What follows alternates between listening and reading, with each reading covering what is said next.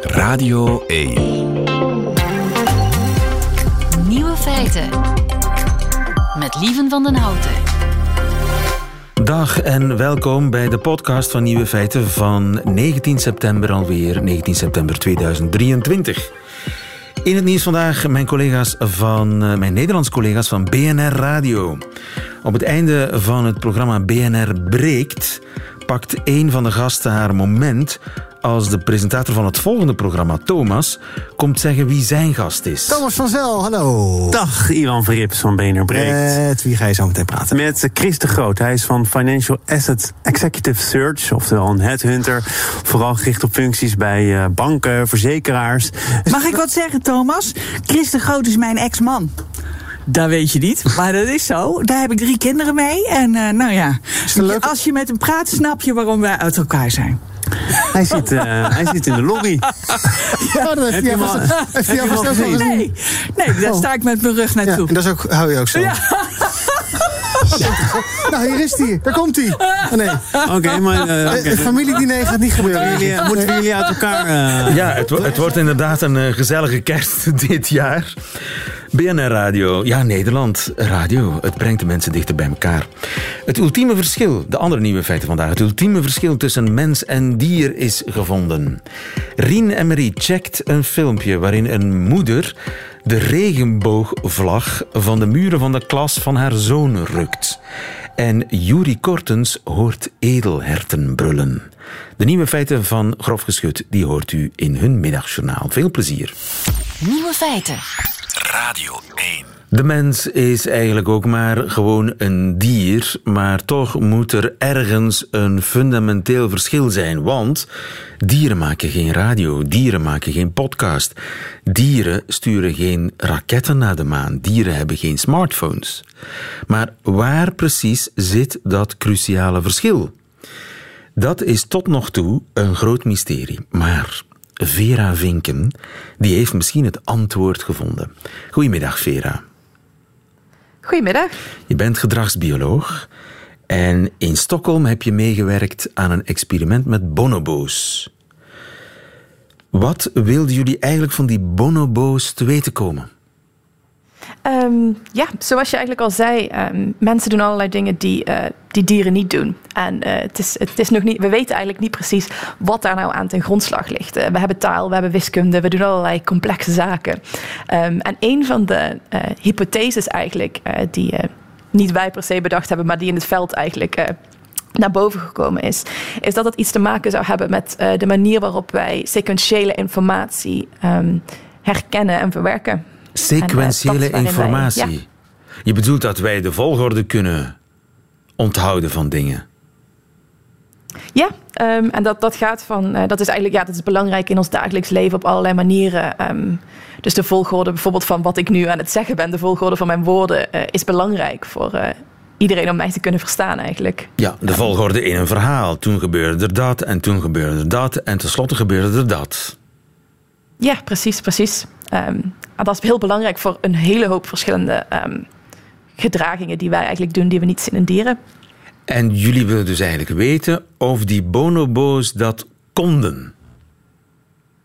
Ja, precies. Dat vroegen wij ons af. Dus mijn collega's in Stockholm en in uh, Brooklyn, New York, um, die hadden al van tevoren wat werk gedaan. Waarin ze eigenlijk uh, gekeken hadden naar ongeveer 100 uh, experimenten die op andere dieren gedaan waren. Om te kijken hoe goed andere dieren dus zijn in het herkennen van sequentiële informatie en daar iets mee doen. Um, maar experimenten aan mensapen, onze meest nauw verwante dieren eigenlijk, uh, die ontbraken nog. En dat is wat, waarom we dat gedaan hebben. Oh ja, dus ze hadden andere slimme dieren al getest. Kraaien bijvoorbeeld, kauwen, dat zijn ook hele slimme vogels, hè?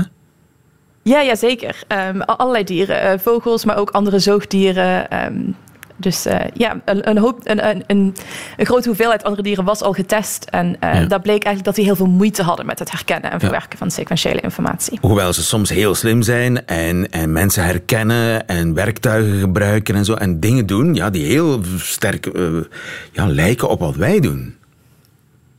Um, ja, ja, zeker. En het, het het, het, stukje waar wij eigenlijk geïnteresseerd zijn, is de, de input van de sequentiële informatie. Dus, dus deze dieren die wij vaak beschouwen als heel intelligent en heel slim. En je zegt het ook al, uh, bijvoorbeeld het gebruiken van werktuigen. Um, dat is eigenlijk sequentiële output. Dus dat zijn gedragingen die, waarin de volgorde belangrijk is die het dier eigenlijk uh, doet. Maar wij zijn echt gefocust op wat ze doen met informatie die, die eigenlijk op hun afkomt.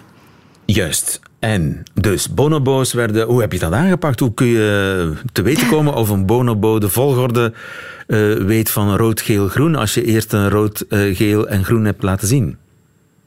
ja, precies. Uh, nou, daar moesten we best wel even over nadenken. Um, maar we hebben dat gedaan met uh, touchscreens. Dus eigenlijk ja, een soort computerspelletjes hebben we ontworpen voor de bonobo's. En daarbij kunnen we allerlei verschillende dingen testen. Dus um, een van de testen die we gedaan hebben, dus om te kijken of ze verschillen kunnen zien tussen verschillende sequenties, is dat we ze um, eerst een blauw vierkant laten zien en dan een geel vierkant. Um, dus blauw-geel. En dan gingen we kijken of ze het verschil konden zien. Uh, dus een andere knop in konden drukken eigenlijk. Als ze uh, geel-blauw kregen versus uh, blauw-geel of geel-geel of blauw-blauw. En ze hebben daar duizenden keren op geprobeerd. En ze krijgen natuurlijk beloning als ze een goed antwoord geven. Um, maar ze konden het eigenlijk niet, niet beter dan kans. Wauw. En dat is toch wel heel merkwaardig?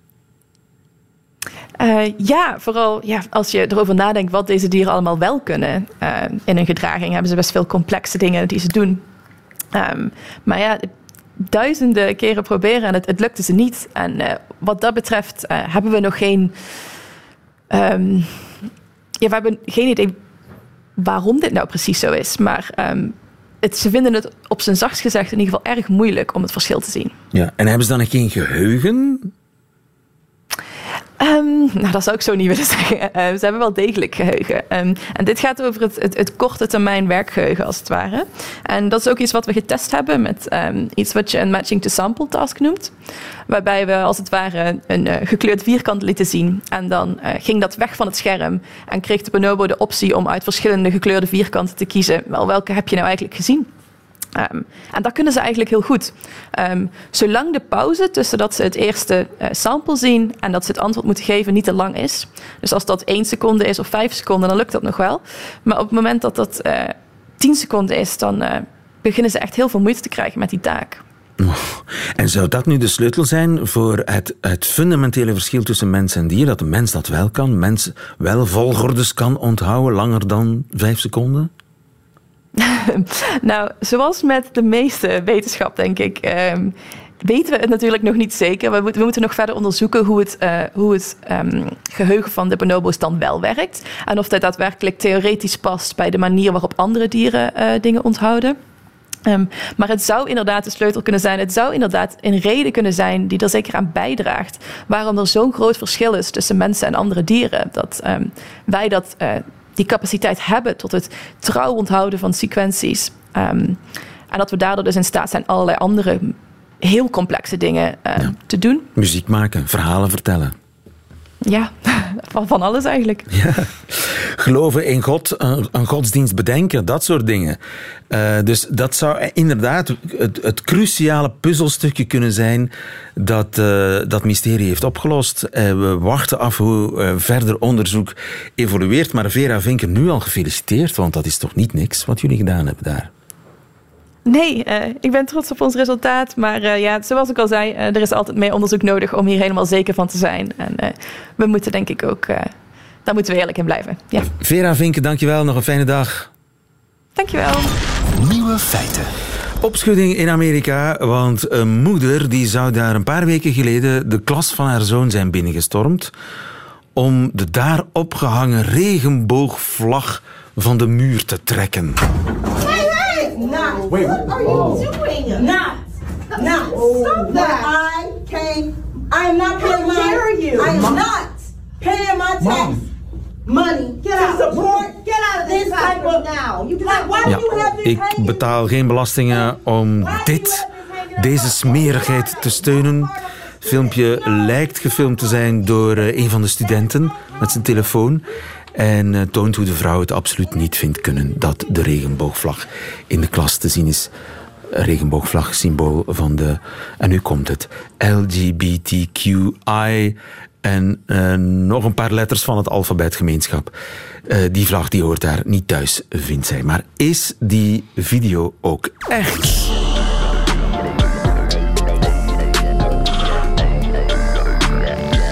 De nieuwe feitenchecker.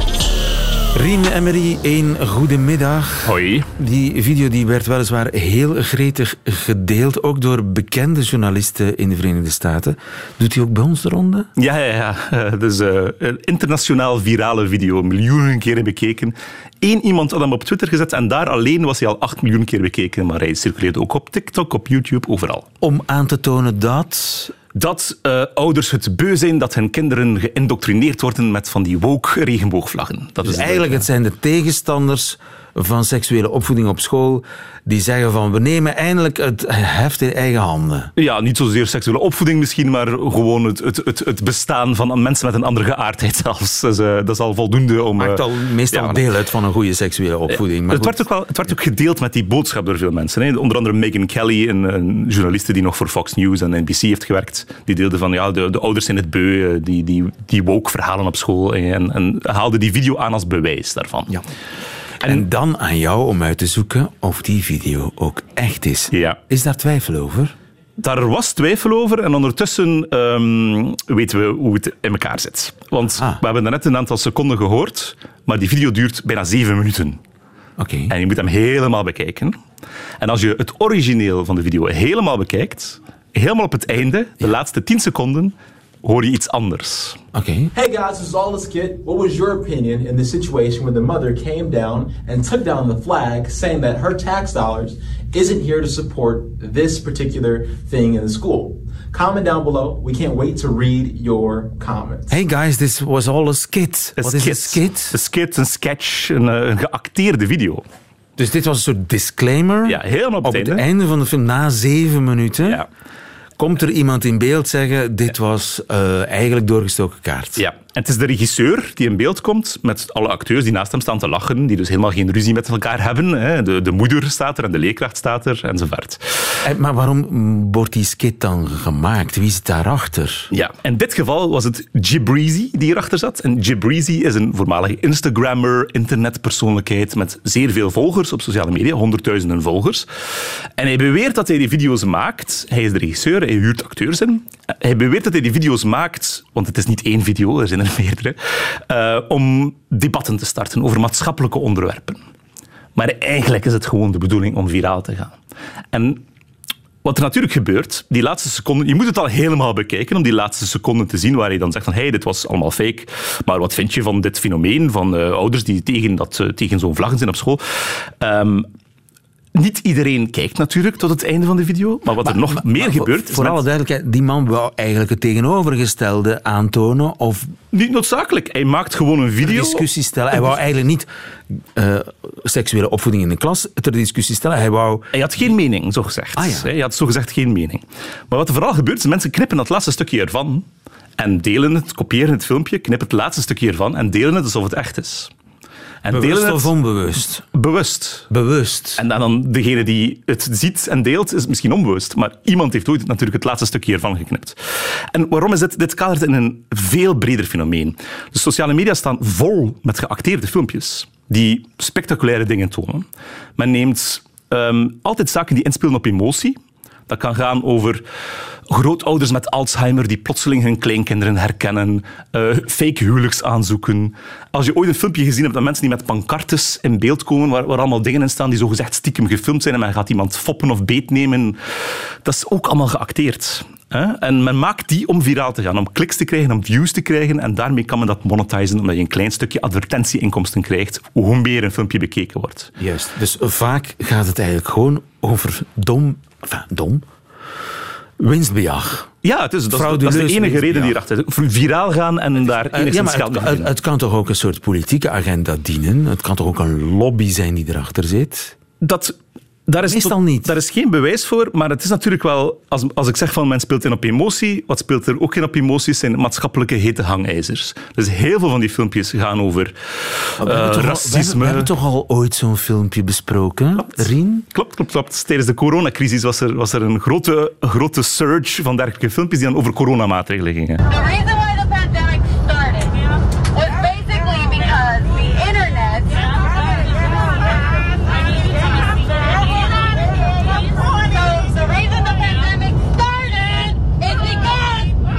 Het is een vrouw op Ja. een vliegtuig die helemaal haar zelfbeheersing verliest, want... Ze wou niet naast iemand zitten die niet gevaccineerd was. Aha. Voilà. En dat was ook volledig geacteerd en fake, maar heel veel ongevaccineerde mensen deelden dat omdat ze daar zich in herkenden enzovoort. En nog altijd was- gebeurt dat trouwens. Er worden nog altijd zo'n filmpjes gemaakt. Zie je wel hoe, hoe gestoord Voilà. die vaccinatiefreaks zijn? Die willen zelfs niet naast iemand zitten die niet gevaccineerd is. Voilà. En het is, allee, ik kan zeggen van het is erg en misleidend om zo'n filmpjes op te nemen en te delen alsof ze echt zijn.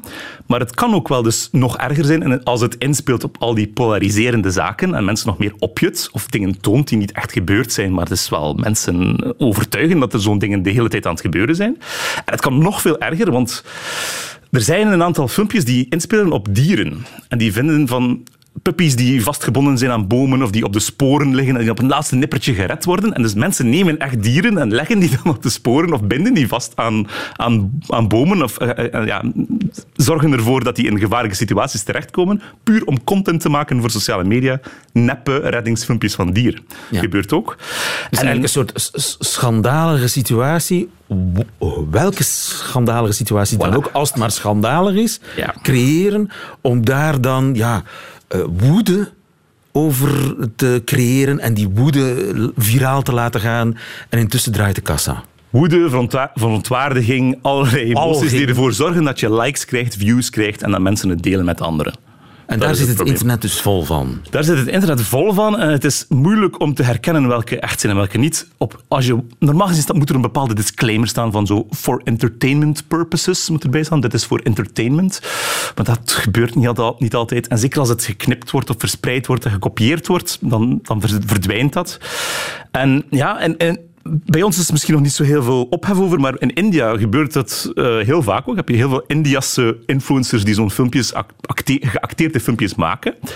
En daar speelt men dan in op eh, spanningen in de maatschappij tussen hindoes en moslims.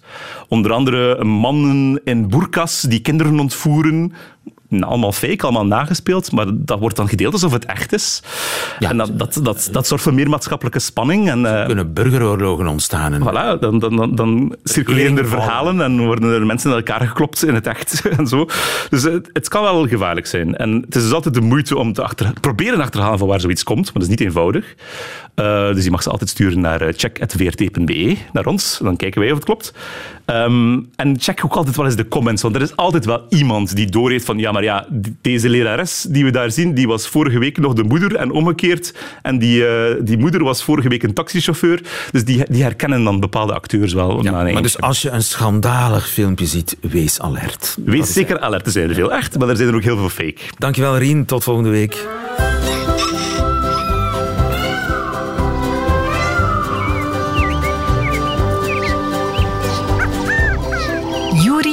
Buiten.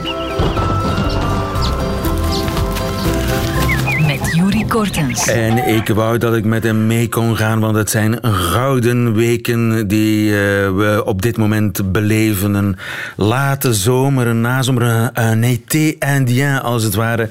En Juri Kortens 1, onze opdracht gaat naar buiten om ons eh, ja, verslag te doen van wat er gebeurt in de natuur. Juri Kortens van Natuurpunt, goedemiddag. Goedemiddag. Juri, waar ben je? Ja, ik ben heel even de grens overgegaan naar Nederlands-Limburg, eh, in Weert, het Weerterbos. Eh, want op dit moment is er een ongelooflijk spektakel dat zo net aan het beginnen is. Dat is de bronst van de edelherten. Eh, De bronst van de edelherten. En daarvoor ben je naar Ja, het Weerterbos. Mag je daar vrij in rondlopen? Eh, ja, vrij rond. Er zijn wandelpaden, dus je kan er effectief rondlopen. Nu, wat is hier aan de hand? Men heeft hier een, een, ja, goede 15, nee, 18 jaar ondertussen al geleden, heeft men hier een, een kudde elanden, elanden, edelherten uitgezet. Ehm, in een groot voorlopig eh, omheind domein. Honderden hectare groot. Eh, en die kunnen hier eigenlijk eh, ja, semi-natuurlijk leven. En dat is jaarlijks een ongelooflijk spektakel. Lokt ook mensen naar hier. Maar ik sta op een mooie uitkijktoren. Dus ik heb een, een Ah, mooi de- uitzicht. er is ook een uitkijktoren. Ja, ja, ja, ja, want er komen tient, als je hier vanavond zou komen, dan, dan zijn er misschien wel tientallen mensen die hier staan te kijken. Eh, want het is vooral tegen de avond aan dat, dat die herten vooral naar buiten komen uit het bos en dat de actie gaat beginnen. De actie? Want het is dit, ja, dit is het moment wanneer dat, dat dat er gepaard moet worden. En dan gaat zo een mannetjes edelhert, die gaat proberen om een hele harem aan vrouwtjes eh, voor zich of aan zich te binden. Eh, en dan, eh, ja, als zij dan klaar zijn om te paren, hij gaat dat regelmatig testen, dan, dan, dan, dan doet hij dat. En dan probeert hij op die manier zijn vaderschap te bevestigen. Ja, ja. Maar dus jullie gaan niet, of jij bent niet van plan om, om parende dieren te observeren. Het is vooral dat burlen dat je wil. Ja, ja, ja, ja. Het, is, het is heel indrukwekkend, het burlen. Dus nu op dit moment is het nog heel stilletjes hoor. Ik heb, ik heb het wel opgenomen al, het geluid. Ah ja, want de kans dat we het in de loop van dit gesprek live Ja. meemaken is nul. Ja, het is heel klein. Ik zie daar gewoon een edelert liggen. Gewoon rustig in de modderpoel. Waar, dat die, eh, waar dat die gewoon rustig zit te kijken naar de vrouwtjes. Een beetje uitrusten voor vanavond. Eh, en dat geluid dat je dan te horen krijgt. Ik heb dat opgenomen. Ik heb het op mijn telefoon. Ik ga het heel even zoeken. Ja? Ja, dat is het. Dat is het. Hij komt eraan. Oei. Het klinkt een beetje als spijsverteringsproblemen. Ja, een beetje maaglast, maar eh, dit, dit is zomaar het, de aanloop daar naartoe. Maar het hele zware dat je daar hoort, dat is eigenlijk een manier om één, vrouwtjes eh, van zijn kwaliteiten te kunnen overtuigen.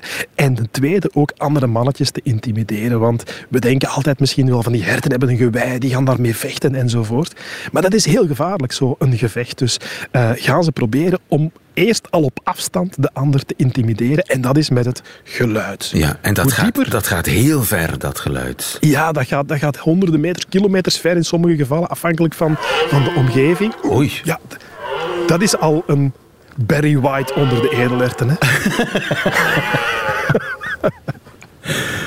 ja, Dat is een- ik weet niet voor wie het een belediging is, voor Barry White of voor het edelhert. Nee, het is een hele diepe stem. En eigenlijk komt een hele diepe stem overeen met een hele brede borstkas, een grote longinhoud. Eh, en dat is eigenlijk ook al een maat van... Roger Whittaker, hij is niet meer onder ja, ons. Dat Eigenlijk had wel. eigenlijk ja, ook ja, ja. ja. Perfect, zo heel grote, grote edelerten. En dat is de eerste stap dat ze gaan ondernemen. Eh, als er dan uiteindelijk toch nog twee edelerten zijn en zeggen, maar ik denk dat ik hem aan kan, dan gaan ze een beetje schouder aan schouder lopen. Eh, op, op, op hun tenen lopen ze dan schouder aan schouder. Ze kijken een beetje ooglonkend en achteruit. Ze lonken zo'n klein beetje. Eh, en als dat nog niet volstaat om een of de ander op andere gedachten te brengen, ja, dan kan er al wel eens gekletterd worden met de Ja. geweien. Maar ja, dat gebeurt voor een edelert misschien maar vier, vier of vijf keer per seizoen. Ja, dus dat is niet, eh, niet zo, zo Dus algemeen. vechten met elkaar, uh, onterluid burlen. Mhm. Doen ze nog dingen om aan de vrouw te geraken? Ja, ja, ze doen eigenlijk vooral op dit moment doet dat mannetje niks. Hè. Ik zie hem daar liggen, ik zie eigenlijk amper zijn gewei boven, boven de Hij is een graspiepen beetje uitkomen. moe. Daar is, ja, hij is super uitgeput. Die eten ook niet deze periode. Hè. Gedurende weken eten die niet. Eh, tenzij er weinig, weinig concurrentie is, dan, dan kunnen ze misschien wel wat eten. Maar op dit moment houden ze constant hun harem in de gaten. Eh, dus die ligt daar op een plek. Hij heeft daar met zijn hoeven een open plek gemaakt met modder. Hij heeft daarin geplast. Hij heeft daarin geëjaculeerd. En dan is hij zich daarin gaan wentelen. Juri, Juri, wacht, wacht, wacht, Ja, wacht, wacht. Hij heeft daarin geplast, hij heeft daarin geëjaculeerd. Ja, ja, ja, ja. ja. Masturberen, edelherten. Ja, hij, hij- ja, dat komt er eigenlijk uit. Dus, eh, Spontaan. en het, het spontaan. En eigenlijk die geur, die, die gaat hij dan ook nog proberen te verspreiden met zijn gewei. Dus hij gaat met dat gewei daarin woelen. Er hangt overal modder aan. Dat komt dan eh, door de weiden waar de, waar de hindes liggen. En Dus hij, maakt zich woest aantrekkelijk op die manier. Ja, ja, ja, ja, ja. En je ruikt dat. Hè. Dus op dit moment, als je door dat gebied wandelt, dan ruik je zo echt een beestige geur. Ik kan het niet laten ruiken op radio, ook zelfs niet op televisie kan je het laten zien. Maar het is, het is, het is, het is een, ongelooflijk... Ik voel het toch al een beetje. Totaal spe- spektakel. Ja, ja, ja, zeker. En dus die vrouwtjes die gaan daarvan eh, sneller ehm, hun ijsprong krijgen. Dus zij gaan daardoor puur alleen maar door die geur en trouwens ook door het, door het diepe geluid van het geburrel gaan zij stilletjes aan in die, eh, in die vruchtbare Dus periode het, komen. het geburrel heeft een impact op hun eierstokken. ja, ja, Die ja, maar trillen als het ware mee. Of ja, ga ik ja, nu want of, het, of zo in- gaat, mis- mis- dat weet ik niet. Maar in ieder geval, men heeft dus geburrel afgespeeld voor een groep vrouwtjes edelherten. Eh, en een andere groep, controlegroep, heeft men dat niet uitge, uitge... En dan zag men dat wanneer zij gewoon het geluid van het geburrel horen, dat ze dan sneller gaan beginnen hun ijsprong te krijgen en vruchtbaar worden dan die controlegroep. Ja. Dus eh, het geburrel en ook de geur van die mannetjes gaat hen eh, ja, in de juiste stemming moeten brengen. Maar leven die eigenlijk apart dan, mannen en vrouwen? Ja, grotendeels wel. Want de, de hindes die gaan, die gaan het grootste deel van het jaar leven die in een, in een troep, in, in een kudde. Eh, dat, zijn, dat zijn vrouwtjes met hun jongen, tot twee jaar oud zelfs kunnen die zijn. Die blijven dan samen gezellig. Die mannetjes zitten voor het grootste deel van het jaar ook in een groepje, een soort van vrijgezellenbende. Hooligans. Maar in de zomer stopt dat. Ja, in de zomer stopt dat. Dan zeggen ze nee, nee, nu is het, eh, nu is het ieder voor zichzelf. En dan, eh, ja, dan worden ze territoriaal en worden ze agressief. En dat is ook net het moment wanneer de dagen terug beginnen lengen. Dus vanaf juni begint dat stilletjes aan. Hoe korter de dagen, ah, ik begin het te korten, Ja. hoe korter de dagen worden, ehm, hoe, hoe meer die testosteron, en dat is een niveau dat, dat tien keer hoger ligt dan, eh, dan in die andere periode. Dus Oké. gaan ze, dan gaan ze En vandaar dus dat ze totaal geen eetlust hebben. Die zijn zodanig opgefokt. Ja, ja, ja, ja, totaal geen eetlust. En ook, je moet constant in de gaten houden. Ah, de, de, de, edelhert is nu net gaan opstaan, zie ik. En hij trekt zijn bovenlip binnenste buiten tot Nee. over zijn neus. Hij gaat toch niet beginnen burlen?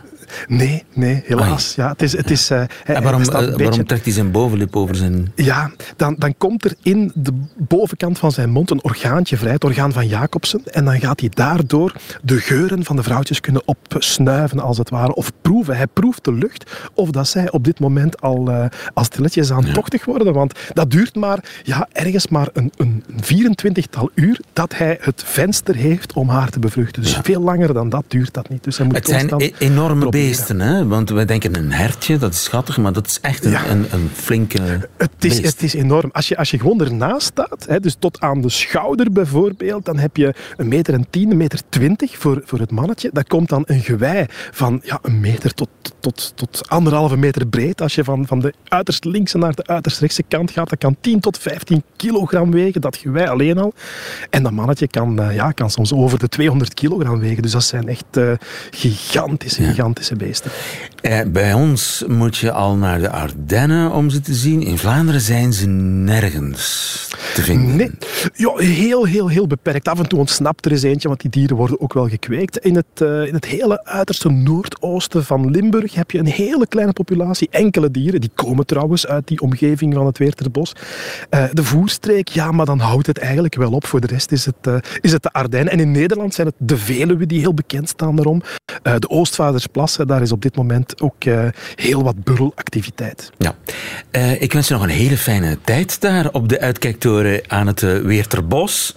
Ga je Ja, nog vanavond blijven daar om eventueel wat spektakel te zien en te horen?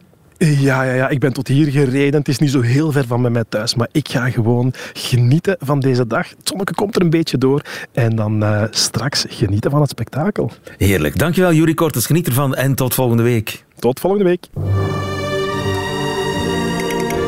Een nieuw feit. Een vrouw uit Zwitserland op reis in Italië heeft eh, vorige donderdag een ware heldendaad verricht in een restaurant aan zee.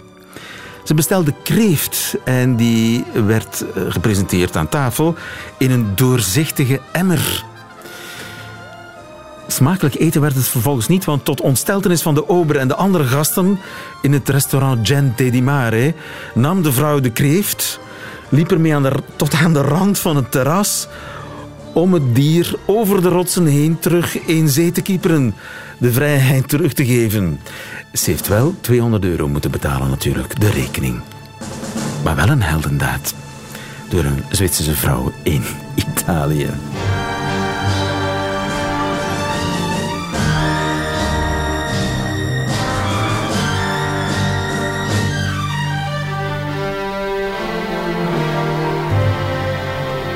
Ziezo, dat waren ze de nieuwe feiten van eh, 19 september 2023. Alleen nog die van Grof Geschut. Het Nederlands-Vlaamse cabaretduo, die hoort u nu in hun middagjournaal. Nieuwe feiten. Middagjournaal.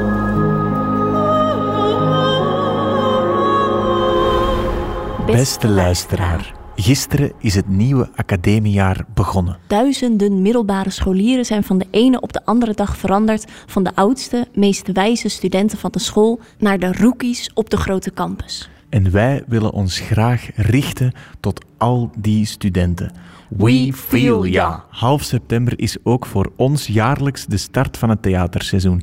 En zeker in een jaar waarin wij een nieuwe voorstelling zijn aan het maken, zoals dit najaar het geval is, voelt dat toch altijd als een eerste schooldag.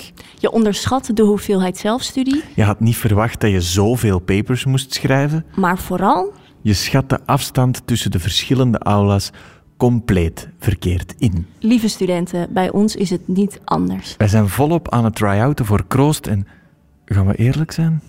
Ja, ja we gaan eerlijk zijn. Oké, beste luisteraar, wij hebben vals gespeeld.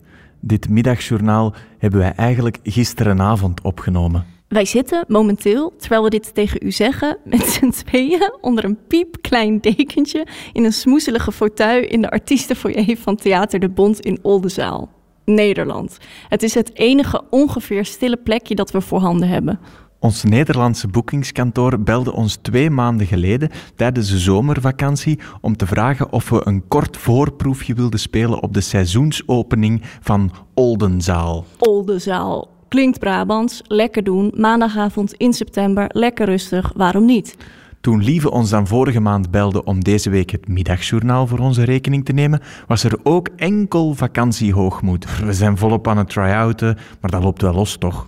Maar deze middag krijg ik een paniekerige lander aan de telefoon. En wat blijkt? Oldenzaal, drie en een half uur rijden. Dus we zijn deze middag vertrokken, spelen zo dadelijk tien minuutjes aan de Duitse grens in de hoop dat die Nederlanders een kaartje kopen voor onze voorstelling en chokken dan weer drie en een half uur terug naar huis. En als u nu zit te denken, ja, maar daar heb ik toch niks mee te maken. Ik wil een vers van de persmiddagjournaal. Wat als Trump deze ochtend is overleden? Wat als Wim Soetar eindelijk een nieuwe hit uitbrengt? Dan wil ik daar nu jullie mening over horen, grof geschud. Ik weet het, ik weet het. Sorry, maar eerlijk, ik zit terwijl jullie dit nu luisteren uh, een ketnetreeks in te spreken in Dendermonde. Ja, die hadden gebeld in de vakantie. Ik dacht, goh, een dinsdag in september. Wat moeten we nu doen op een dinsdag in september? En ik laat nu Binky uit, de hond van mijn onderbuurvrouw. Maar dat heeft verder niks met vakantiehoogmoed te maken. Ik kan gewoon heel slecht nee zeggen. Dus lieve lieven, als morgen ons middagjournaal een klein beetje monotoon of houterig klinkt, dan kan het zijn dat wij zijn gezwicht waarvoor ook menig eerstejaarsstudent de komende weken zal zwichten. En hebben we AI het werk voor ons laten doen. Dan gaan wij nu eindelijk onder dat veel te warme dekentje uit en een voorproef spelen van onze voorstelling. Tot, morgen.